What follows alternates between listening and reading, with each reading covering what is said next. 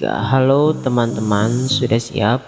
Oke, cek cek suara percobaan tidak lebih tidak kurang. Baik, Assalamualaikum warahmatullahi wabarakatuh.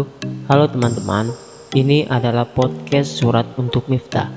Surat untuk Miftah adalah kumpulan cerita yang menjadi nasihat untuk gua pribadi dan buat lu yang mendengarkan, semoga dapat inspirasi, motivasi, serta manfaat dari cerita yang gue hadirin di podcast ini.